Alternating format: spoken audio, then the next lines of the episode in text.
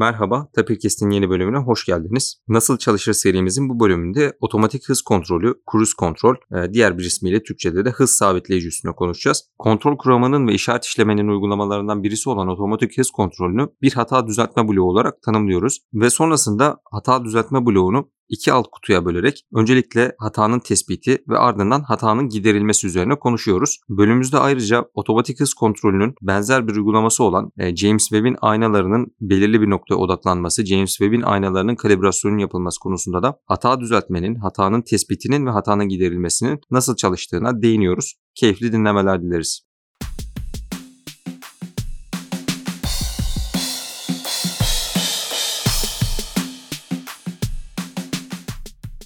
Serhan Hocam hoş geldiniz. Hoş bulduk Halil. Hocam Nasıl Çalışır serimizin yeni bir bölümünde bir araya geldik. Bugün aslında yıllar önce hayatımıza girmiş olan arabalarda uzun süredir kullanılan bir teknolojiden, cruise kontrolden ve cruise kontrolün nasıl çalıştığından bahsedeceğiz. Öncelikle cruise kontrol ne bunu kısaca bir açmak gerekirse hatırladığım kadarıyla yani çok eski Mercedes araçlarda 90'lı 80'li yıllarda üretilen araçlarda bile hız sabitleyicisi olarak var olan bir teknoloji. O zamanlar büyük ihtimalle anladığım kadarıyla bu mekanik bir şekilde yapılıyordu hız sabitleme. Ancak günümüzde araçların neredeyse tamamının elektronikle kontrolüne ve beyinle kontrolüne geçildikten sonra beyin kelimesini özellikle seçiyorum çünkü sanayide çokça bile beyni bozulmuş arabanın diye bir terim var. O elektronik devre ve elektronikle kontrol aşamasına geçildikten sonra sensörlerden gelen verilere göre bir şekilde aracın hızının sabit bir noktada tutulması. Tabii günümüzde bunun otonom sürüşü insansız araçları göz önünde bulundurduğumuzda çok daha ileri seviyede artık araçlar hem hızı sabitliyor aynı zamanda bir önündeki araca mesafesini kontrol ederek hız sabitlemeyi override edip üstünü yazıp mesafeyi korumak için bir tepki veriyor. Daha da yavaşlıyor. Ancak öndeki araba mesela tekrar hızlanmaya başladığında sizin sabitlemiş olduğunuz noktaya belki geri geliyor. Aynı zamanda şerit takibi mevcut. Aracın şeritten çıkmasını engelleyen bir teknoloji mevcut. Yani günümüzde bir kişi cruise kontrolü açıp diğer özellikleri aktive ettiğinde sadece arabanın direksiyonunu tutmakla seyahati tamamlamış, seyahati başarmış oluyor diyebiliriz. Bu konuda hocam sizin cruise kontrol ile uzun bir süredir de şoförlük deneyiminiz olduğunu biliyorum. Arabalarda bu tarz teknolojilerin teknolojilerin kullanılmasına da ilginiz var diye biliyorum. Sizin cruise kontrol hakkındaki fikirlerinizi almak isterim. Öncelikle bu platformda bana yer verdiğiniz için teşekkür ederek başlamak istiyorum Halil. Bizim açımızdan cruise kontrol tabii kendi çalışma alanlarımız düşünüldüğünde gerçekten işaret işleme ve kontrol alanının neredeyse zirve yaptığı bir konu diyebiliriz. Bugünkü konumuz çerçevesinde de bunun en ilkel hali diyelim. Yani şu anda cruise deyince insanlar az önce senin saydığın teknolojiden hemen hemen hepsini anlıyor olabilirler. Ama ilk ortaya çıktığında hız sabitleyici diye Türkçe'ye çevirebileceğimiz bir teknolojiye karşılık gelen kısmı konuşalım konuşalım bugün müsaadenle. Orada yapılan iş sizin işte sürücünün 70 kilometreye sabitlediği ya da işte bazı teknolojilerde arabayı o sürate getirip düğmeye basarak eski teknolojilerde sabitlediğiniz hızın nasıl yolculuk boyunca, seyir sefer boyunca sabit kaldığıyla alakalı çok önemli bir durumdan bahsediyoruz. Yani o haliyle bile gerçekten hem haberleşme kuramının temellerini, işaret işlemenin temellerini ve kinematiğin temellerini hesaba katıp bunu en üst düzeyde uygulayan bir teknolojiden söz ediyoruz. Dediğim gibi yani ben kendim hatırlıyorum 90'ların belki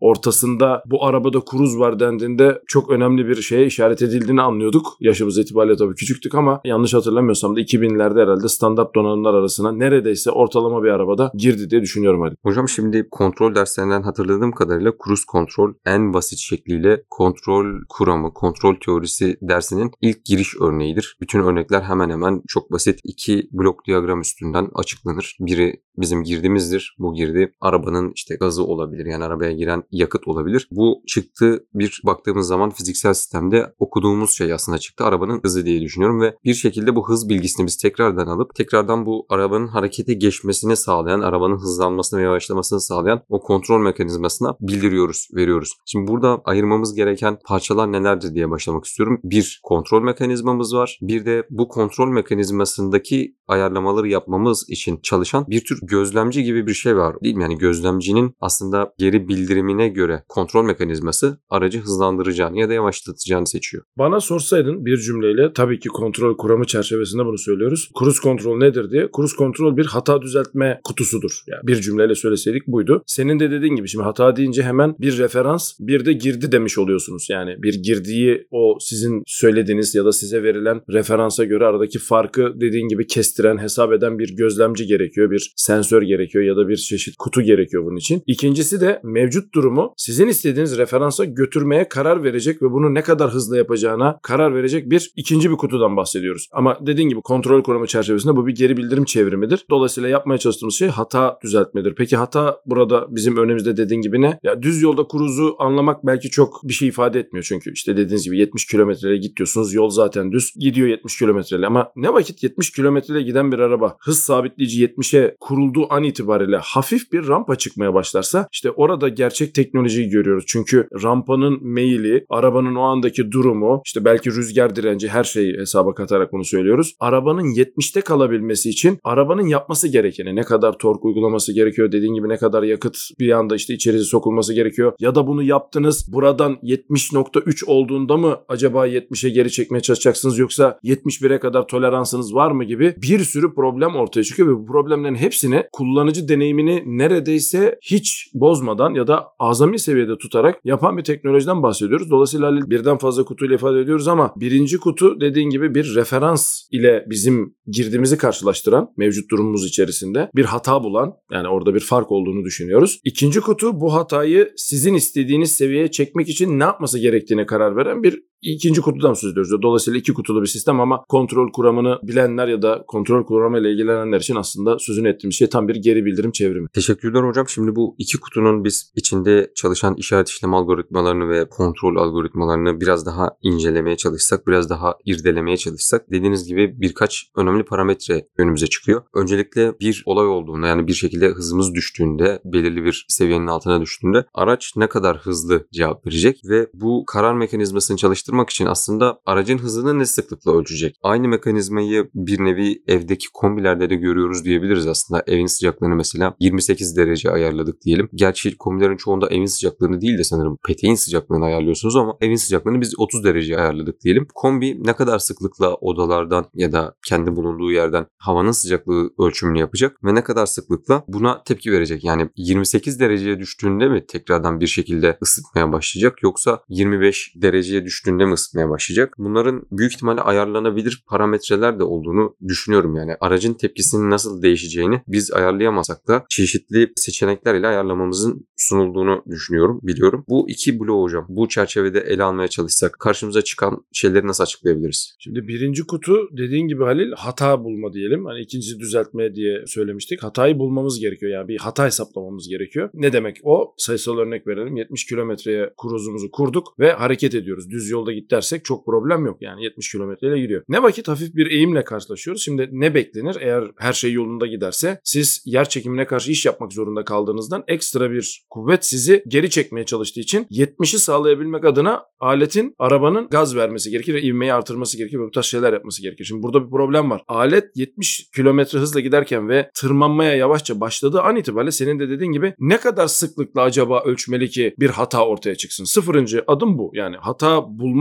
kutusunun ilk görevi senin de dediğin gibi ne kadar sıklıkla hata bulmalıyız? Şimdi takdir edersin ki araba söz konusu olduğu için ve orada bu tarz teknolojiler tırnak içerisinde hayata mal olabilecek şekilde gündeme geleceği için burada ölçüm sıklığının saniyenin belki binde biri mertebelerine kadar inmesi gerekiyor olabilir. Takdir edersiniz ki bu bir jet savaş uçağında daha da belki düşüktür süre olarak daha da yüksek çözünürlükte çalışıyorlardır. Dolayısıyla burada biraz problemin doğası buna karar veriyor ama senin çok güzel verdiğin örnekte olduğu gibi yani kombide bunu saniyenin binde birinde yapmanın alemi olmadığını düşünüyoruz. Çünkü zaten sözünü ettiğiniz termodinamik sistemin kendisinin ataletsel bir sistem olduğunu düşündüğümüz için yani uyguladığınız girdiye kendisinin çıktı vermesi belki saatler aldığı için dolayısıyla buradaki ölçüm miktarı hata bulma fonksiyonunun sıklığı ona göre ayarlanmalıdır. Dolayısıyla araba örneğine geri dönersek biraz yaşam ölüm işleri gündeme geldiği için saniyenin altındaki mertebelerde bu ölçümü yapmasını bekliyoruz. Bu birinci adımdı. İkinci adım bunu yaptık. Bir şekilde ölçüm bize bir hata döndürdü. İşte pozitif hata ve negatif hata dediğimiz olaya karşılıyoruz. Bu arada tekrar diyoruz kontrol kuramında hata hata olarak söylenir. Pozitif hata ya da negatif hata demeyiz. Yani orada hatayı düzeltmeye çalıştığımız için yönünün bir önemi yoktur. Araba örneğinde ama şöyle bir farklılık var. Kontrol kuramının öngördüğü çıktığı arabada uygulamak için iki farklı kinematik sistem devreye giriyor. O yüzden bunu ayırıyoruz arabada. F-16'da da benzer bir durum söz konusu. Ama mantık aynı dediğin gibi. Hatayı düzeltmeye çalışmak, ortadan kaldırmaya çalışmak. Dolayısıyla hata bulma kutusunun ikinci görevi bu hatanın hangi aralıkta olduğunu kendisine önceden tasarımla ve verilen bir parametre çerçevesinde değerlendirmek. Örnek bizim için 70 kilometre gerçekten işte GPS'le, lazerlerle, şunlarla bunlarla ölçsek hızımızı 70.001 kilometre bölü saate çıkmak ya da 69.999'da gidiyor olmak çok hassas ölçümlerle acaba sürücüyü rahatsız eder mi diye soruyorlar araba tasarımcıları muhtemelen. Takdir edersiniz ki yani 1 kilometrenin binde birilik bir kısmında yapılacak bir hatanın problem olmaması gerek. Bu arada şunu da söyleyelim Ali bu vesileyle. Bunun problem olup olmaması başlı başına bir tasarım problemi iken bunun problem olması durumunda ödeyeceğiniz bedel de ikinci bir tasarım problemi. Neden? Az önce senin verdiğin kombi örneğinden ele alalım. Çok sık devreye girip çıkan bir kombinin sisteme getireceği yük masraf açısından da değerlendirilmek zorunda. Aynı şey Cruise için de geçerli. Dolayısıyla bizi yani kullanıcı deneyimini azami hale getirmeye çalışan hata ile bunun karşılığında ödeyeceğimiz bedel tasarımcıların bir dengede tutması gereken bir en iyileştirme, en uygunlaştırma problemi. Bunu ayrı bir belki podcast'te değerlendirirsiniz ama şu anda sözünü ettiğimiz hata kutusunun ikinci görevi neyin hata olduğuna karar vermek. Yani bir başka deyişle onu takip eden hata düzelticiye çalış ya da çalışmayı söyleyebilecek aralıkta olduğuna karar vermek. Bu bir tasarım problemi dediğimiz gibi. Arabalarda bu sayının ne olduğunu bilmiyorum ama saniyelerin çok altında mertebelerde ölçüldüğünde belki bir kilometrenin onda biri kadar bir hatayla ya da %50'sindeki bir hatayla devreye giriyor olabilir. Ben bunu tam olarak bilmiyorum. Modelden modelde farklılık gösteriyor olabilir. Ancak takdir edersin ki James Webb söz konusu olduğunda James Webb'in aynalarını birisinin kalibre etmesi söz konusu olduğunda ki orada da ters bir kruz problemi var aslına bakılırsa orada milimetrenin binde birindeki bir hatanın 3 ışık yılı uzaktaki bir işte kaynağı ne kadar hatalı ölçeceği ortada olduğu için oradaki hassasiyet neredeyse insanoğlunun eriştiği en üst düzeyde olmalıdır diye düşünüyoruz. Yani burada üzerinde çalışılan problemin buna karar verdiğini söylememiz gerek Ali. Hata kutusunun bunun dışında bir fonksiyonu var mı? Hayır yok. Bunun dışında bir fonksiyonu yok. Ne kadar sıklıkla hata ölçeceğine bir tasarım parametresiyle karar verir ya da verdirilir. Bu kendisinin de alabileceği bir karar olabilir. İkincisi de neyin hata olduğuna karar verip bir hata oluştuğuna dair bir bayrak kaldırıp bu bayrağın ortadan kalktığını söylemektir. Bu ikincisini de ortaya koyduktan sonra hatanın nasıl düzeltildiği ile ilgili kutuya geliyoruz. Bu nispeten biraz daha kolay. Matematiğine çok girmeye gerek yok ama hepimizin yaptığı biraz sola gidiyorsun dendiğinde bunu sağa götürmeye çalışmak. Biraz sağa gidiyorsun dendiğinde biraz sola götürmeye çalışmak ya da yavaşladığında hızlan hızlandığında yavaşladığı gibi ama burada da senin az önce söylediğin işte o tepki süresini kontrol eden bir tasarım parametresi daha giriyor. Birinci kutudaki ölçme sıklığıyla ikinci kutunun tepki sıklığının aynı olması her zaman istenen bir şey değildir. Dediğim gibi bazı problemlerde bu ikisi farklıdır. Bazı problemlerde aynıdır. Bazı problemlerde terstir hatta yani. Çok sık ölçüp çok yavaş tepki verirsiniz ya da çok yavaş ölçüp çok sık tepki vermeniz gerekebilir. Bunlar tamamen tasarım problemleri. Arabada hemen hemen bunların eş olduğunu varsaysak yani çok kötü bir kestirim olmaz diye düşünüyorum. İkinci kutunun yaptığı ikinci şey de kendisine bir hata bayrağı ulaştığı an itibariyle mevcut durumun ne olduğunu anlayıp o mevcut duruma göre neyi ne kadar sürede yapacağına karar vermek. İşte burada da arabaların tepki süresi dediğimiz şey gündeme geliyor. Yani işte bunu makine kendisi de yapıyor olabilir ama siz gaza bastığınızda arabanın basma anından onu istediğiniz ivmeye dönüştürmek için o içeride geçen elektromekanik sürecin tamamı bir tepki süresidir. Ya da işte arabanın fren yapması gerektiğinde frene bastığında arabanın intikal mesafesi söz konusu olduğunda buna hangi hızda ne kadar süratli tepki verdiği gibi çeşitli karmaşık tasarım parametreleri giriyor. Dolayısıyla ikinci kutunun da iki tane görevi oldu. Kendisine hata bayrağı ulaştığında bunun ne kadar sıklıkla düzeltilmesi gerektiğine karar vermek. İkincisi hata düzeltildiği an itibariyle de devreden çıkmak. Tabii bunu geri bildirim çevrimi dediğimiz için ikisi birbiriyle sürekli haberleşerek yapıyor. Ali.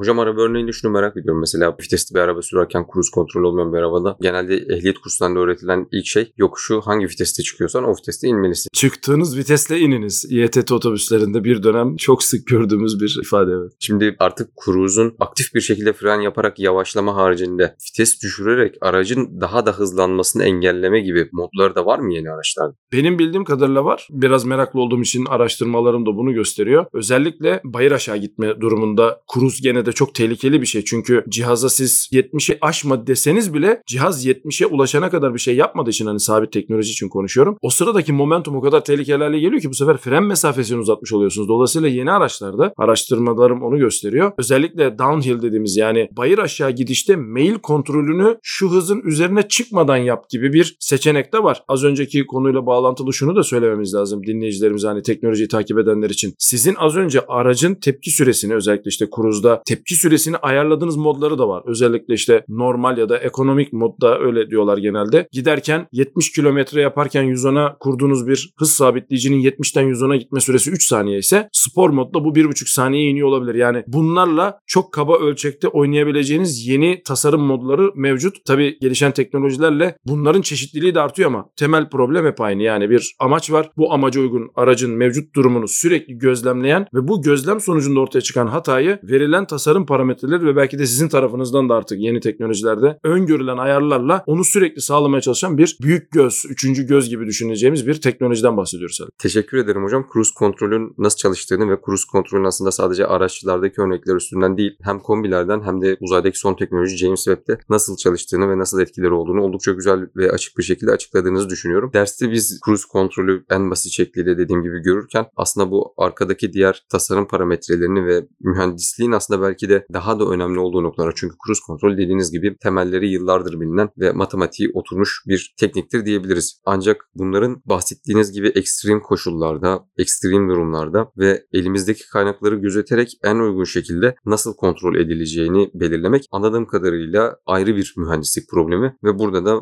optimizasyona, en uygunlaştırmaya ya da en iyileştirmeye girmemiz gerekiyor diye düşünüyorum. Çok güzel bir noktaya değindin. Hatta yeni teknolojilerde şu gündeme geliyor. Çok ilginç. Yani konunun yapay zeka ile de bağlantısını söylemekte fayda var bence Halil. Siz kendiniz öyle bir parametre kümesi size verilenler çerçevesinde seçiyor olabilirsiniz ki cihaz çevresel koşulları gözlemleyip isteğiniz reddedildi diye yazıyor şu anki yeni teknolojide. Yani tabii bunu yapay zekaya direkt bağlamıyoruz. Hani şu anda o seviyedeki bir reddetmeden bahsetmiyoruz. Yani örnek verelim çok da sık başımıza gelen bir şey. Radar mekanizması. Yani arabanın özellikle işte ultra wideband dediğimiz yani çok geniş bantta radarları işte 20 GHz'ler seviyesinde çalışan radarları çok soğuk havalarda ki bir tane örneği ben kendim yaşadım. İşte Bolu tünelinin o hemen üzerinden geçerken o yanlış bilmiyorsam o en yüksek 1580 yaklaşık rakımlı yere çıkarken oranın iklim koşulları nedeniyle biraz galiba işte genelde karı yağışı bol olan bir yer. Hava birden soğuduğunda radarların önü buz kesiyor ve böyle olunca radar yeterli geri bildirim alamıyor. Siz o sırada öndeki aracı şu kadar takip et dediğinizde radar çalışmadığı için cihaz sizin isteğinizi reddediyor. Yani dediğin gibi o optimizasyon öyle karmaşık bir problem ki yani evet derslerde bir kapalı çevrim işte bir geri bildirim çevrimi diyoruz ama şu anda yani şu anda aktif olarak bir düğmeyle aktive ettiğiniz, çalıştırdığınız ya da devre dışı bıraktığınız teknolojinin arkasında korkunç bir en uygunlaştırma modülü ve bunun üzerine yapılmış deneyler, çeşitli ölçümler bulunuyor Halil ve bu konuyla da alakalı zaten ortada bu hesaplama karmaşıklığını olabildiğince az kaynak tüketerek yapma da başka bir hesaplama problemi. Yani katman katman bir en uygunlaştırmadan bahsediyoruz. Yani cruise problemini çözen algoritmanın mevcut kaynakları ne kadar iyi kullandığına dair üzerinde duran bir başka algoritma daha var. İşte o yapay zeka burada devreye giriyor. Yani bunları biz oturalım hepsini test edelim, eğitelim, şu olsun bu olsun ve küçücük bir çipe çok az enerji harcayan, girdiği hemen tanıyıp hemen çıktıya dönüştüren bir ufacık çipe dönüştürelim derdiyle insanlar uğraşıyor. Yani dolayısıyla konu dediğin gibi optimizasyon deyince bambaşka bir yere gidiyor ama gittiği bambaşka yerinde işte dokunduğu yerler yapay zeka, makine öğrenmesi, kendi kendine süren araçlar, insansız hava araçları, kara araçları gibi yerlere dokunuyor. Dolayısıyla optimizasyon dediğin gibi ya başlı başına bir problem. Buradan şu sonuç çıkmasın. Cruise'un kendisi optimizasyon yapmıyor mu? Yok yapıyor. Ancak sözünü ettiğimiz optimizasyon bunun içinde bulunduğu sistemi gözeten bir optimizasyon. Yani daha büyük ölçekli bir optimizasyon. Takdir edersiniz ki orada Cruise'un kendi fonksiyonları değil, bütün sistemi optimize eden bir başka optimizasyon kutusundan bahsediyoruz Halil. Teşekkür ederim hocam katıldığınız için. Ben teşekkür ederim Halil. Bahsetmiş olduğunuz yapıyı da daha öncesinde modüler ve